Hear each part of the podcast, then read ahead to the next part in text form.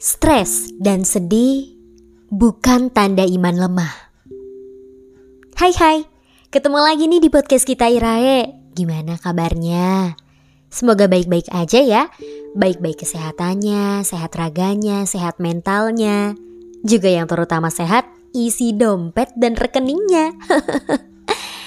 podcast kali ini kita mau bahas topik yang cukup menarik nih, yaitu tentang stres, sedih, gelisah, dan khawatir tapi dari perspektif Islam.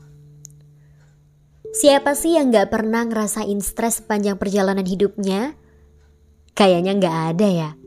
Semua orang pasti pernah ngerasain suatu fase dalam hidupnya yang benar-benar terasa berat sampai membuatnya stres, frustasi, bahkan hampir putus asa menjalani hidup. Aku, kamu, kita Bahkan orang-orang yang kita lihat tampak begitu bahagia hidupnya di media sosial, yang kita tahu mereka memiliki rumah megah, kendaraan mewah, uang melimpah sekalipun, tetap aja yang merasakan stres dan sedih dalam hidupnya. Tapi mungkin aja enggak diperlihatkan di media sosialnya. Jadi, dapat disimpulkan kalau semua orang pasti pernah merasakan fase yang berat dalam hidupnya. Stres, dan sedih. Sering lihat kan kayak di komentar-komentar medsos ada orang yang mengatakan kalau orang yang stres tuh tandanya nggak punya iman. Imannya lemah lah, atau jarang beribadah lah, nggak pernah sholat dan sebagainya. Ah makanya sholat yang rajin, biar nggak gelisah. Uh itu mah jarang ibadah tuh, makanya galau mulu hidupnya. Wah wah pasti nggak suka sholat nih. Makanya hidupnya putus asa mulu. Kok bisa sih bunuh diri? Pasti gak punya iman deh. Apakah iya? Apa iya benar begitu stres, sedih, gelisah, khawatir adalah tanda gak punya iman dan jarang ibadah? Apakah orang muslim selalu merasa enjoy dalam menjalani hidupnya tanpa adanya perasaan sedih, gelisah, khawatir, bimbang semacamnya? Apakah Rasulullah Nabi Muhammad gak pernah merasakan sedih? Jawabannya adalah Nabi pernah merasakan sedih. Sewaktu meninggalnya Ibu Khadijah yang selalu setia ada di samping Nabi, yang selalu sedia berjuang menemani Nabi, Nabi merasa sedih kehilangan. Lalu disusul dengan meninggalnya Abu Talib, paman Nabi yang selalu membela Nabi ketika Nabi disudutkan oleh orang-orang Mekah. Bahkan tahun tersebut disebut sebagai tahun kesedihan, tahun duka cita. Cuma bedanya, Nabi dihibur oleh Allah secara langsung dengan peristiwa Isra Mi'raj. Lalu, peristiwa ketika Nabi Muhammad dan Abu Bakar terjebak di dalam goa. Sementara di luar dikejar oleh pasukan yang mengejar ingin membunuh mereka. Saat itu Abu Bakar merasa gelisah dan ketakutan karena sedikit aja terdengar suaranya maka Nabi dan Abu Bakar akan ketahuan dan akan dibunuh. Tapi apa yang Rasulullah katakan? Tenanglah wahai Abu Bakar, sesungguhnya kita tidak berdua, tapi ada Allah.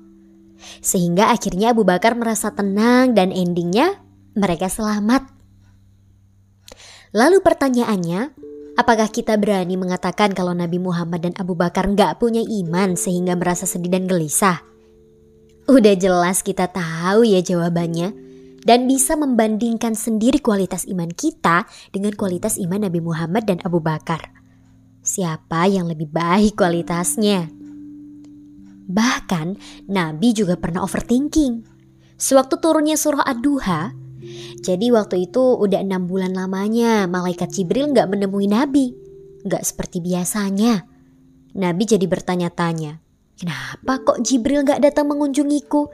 Gak seperti biasanya. Enam bulan lamanya gak ada ayat yang turun. Nabi sering menengadahkan wajahnya ke langit. Sore hari naik ke atas bukit untuk melihat ke langit apakah ada malaikat Jibril. Tapi tidak ada tanda-tanda munculnya malaikat Jibril dan tidak ada ayat yang turun saat itu. Sampai-sampai orang-orang musyrik Mekah mengatakan bahwa Nabi udah gila, sering melihat ke langit. Nabi jadi overthinking. Overthinking itu kan artinya berpikir berlebihan ya. Nabi berpikir, jangan-jangan Allah sudah memecatku dari Nabi. Apakah aku melakukan kesalahan dalam menjalankan perintah Allah sebagai Nabi? Hmm, pikiran Nabi Muhammad berkecamuk. Hingga akhirnya turunlah surah Ad-Duha yang membantah orang-orang musyrik yang mengatakan bahwa Nabi gila dan dipecat dari Nabi. Di surah Ad-Duha itu Allah juga meyakinkan Nabi kalau Allah sama sekali nggak membenci Nabi dan meninggalkan Nabi. Kalau bahasa kitanya mah gini, Hei Rasulullah, aku tuh nggak pernah ninggalin kamu, apalagi benci sama kamu. Aku tahu kok, kamu tiap sore selalu melihat ke langit menunggu ayat-ayatku turun. Coba ingat deh, dulu ketika kamu lahir kamu dalam keadaan yatim, siapa yang menjaga dan melindungi kamu? Siapa yang nolong kamu? Dulu waktu kamu kebingungan siapa yang memberimu petunjuk? Dulu waktu kamu kekurangan siapa yang memberi kecukupan? Aku. Aku tuh gak pernah ninggalin kamu. Sama seperti dulu, masa-masa sulitmu. Di masa-masa sekarang dan di masa-masa yang akan datang pun aku juga selalu bersamamu dan memerhatikan kamu. Gitu kira-kira Allah menghibur Nabi. Artinya, Nabi juga pernah merasakan sedih, stres, overthinking. Kayak kita juga kan? Lalu ada juga cerita tentang Ibu Maryam yang melahirkan Nabi Isa tanpa seorang ayah. Tidak pernah disentuh laki-laki, tapi bisa hamil sehingga dituduh zina oleh masyarakat tempatnya sampai akhirnya diasingkan. Apakah Ibu Maryam gak sedih? Oh tentu sedih. Cerita tentang Nabi Yakub yang ketika Nabi Yusuf anaknya dibuang ke dalam sumur oleh saudara-saudaranya. Nabi Yakub sedih, menangis, sampai matanya buta. Apakah kita bisa mengatakan kalau Nabi Yakub gak punya iman, males ibadah, dan gak percaya sama Allah? Beliau Nabi loh, sedih, bahkan menangis sampai matanya buta karena khawatir, gelisah kehilangan anak kesayangannya Nabi Yusuf. Karena beliau seorang Nabi, jelas Nabi Yakub bukan orang biasa yang imannya lemah, tapi beliau tetap merasa sedih Artinya, Islam gak melarang kita untuk bersedih, gak melarang kita untuk stres, gelisah, dan khawatir. Karena merasa sedih, gelisah, cemas adalah hal wajar menjadi manusia. Kita disebut manusia karena kita bisa merasakan perasaan sedih, stres, cemas, khawatir, gelisah tersebut. Meskipun kita punya makanan yang setiap hari bisa dimakan, punya kendaraan untuk transportasi rutinitas kita, punya atap untuk bernaung, punya baju yang rapi, tapi tetap merasa sedih, berat, khawatir, gelisah, adalah hal yang wajar sebagai manusia tetap merasakan perasaan tersebut. Jadi, kita nggak bisa mengatakan kalau ada orang-orang yang merasa sedih, stres, putus asa, menyimpulkan bahkan menyudutkan menghakimi mereka nggak punya iman kepada Allah. Justru, seharusnya tugas kita adalah membuat orang-orang memiliki iman kepada Allah. Bukannya malah menyudutkan orang lain dengan mengatakan mereka nggak punya iman. Ini kebalik banget.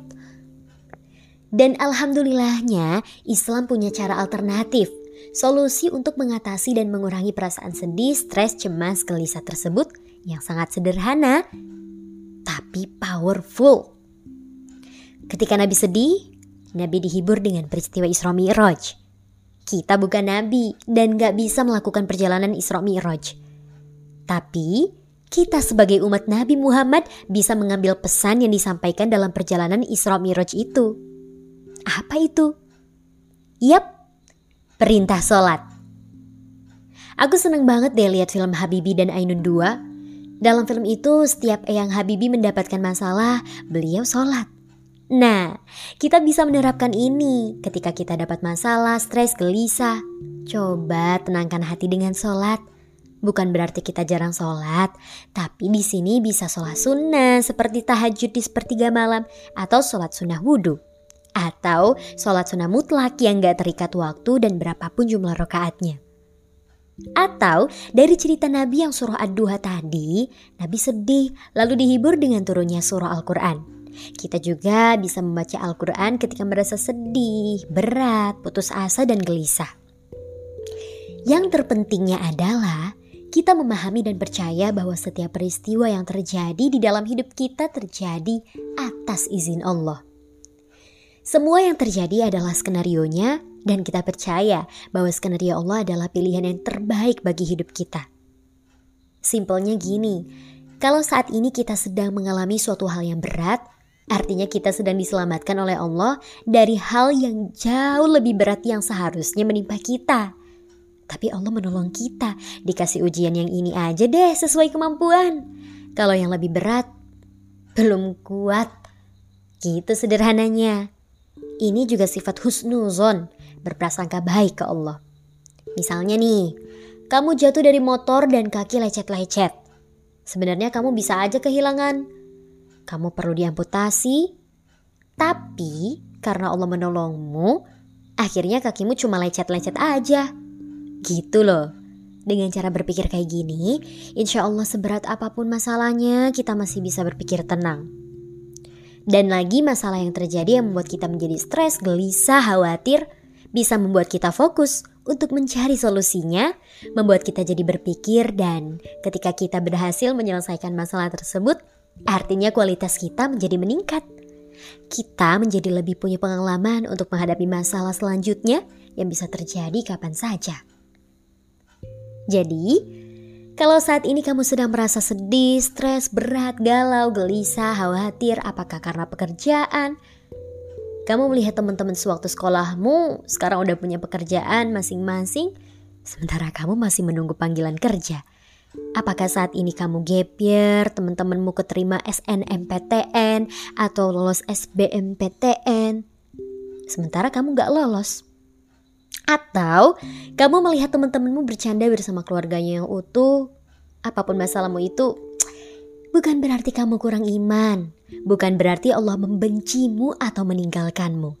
Tapi Allah sedang menolongmu dari hal yang lebih berat lainnya dan sedang menyiapkan skenario terbaik untukmu kelak. Sekarang, coba hibur dulu hatinya. Tenangkan dengan sholat atau membaca Al-Quran. Pasti rasanya sangat syahdu sholat dan mengaji ketika sedang merasa putus asa atau kehilangan sesuatu. Oke, okay, cukup sampai di sini ya podcastnya. Jangan nyerah. Percaya deh endingnya pasti happy. Terima kasih udah mendengarkan podcast ini sampai sini ya. Sehat-sehat, sehat raga, sehat mental, sehat dompet juga. sampai ketemu di podcast selanjutnya. See you.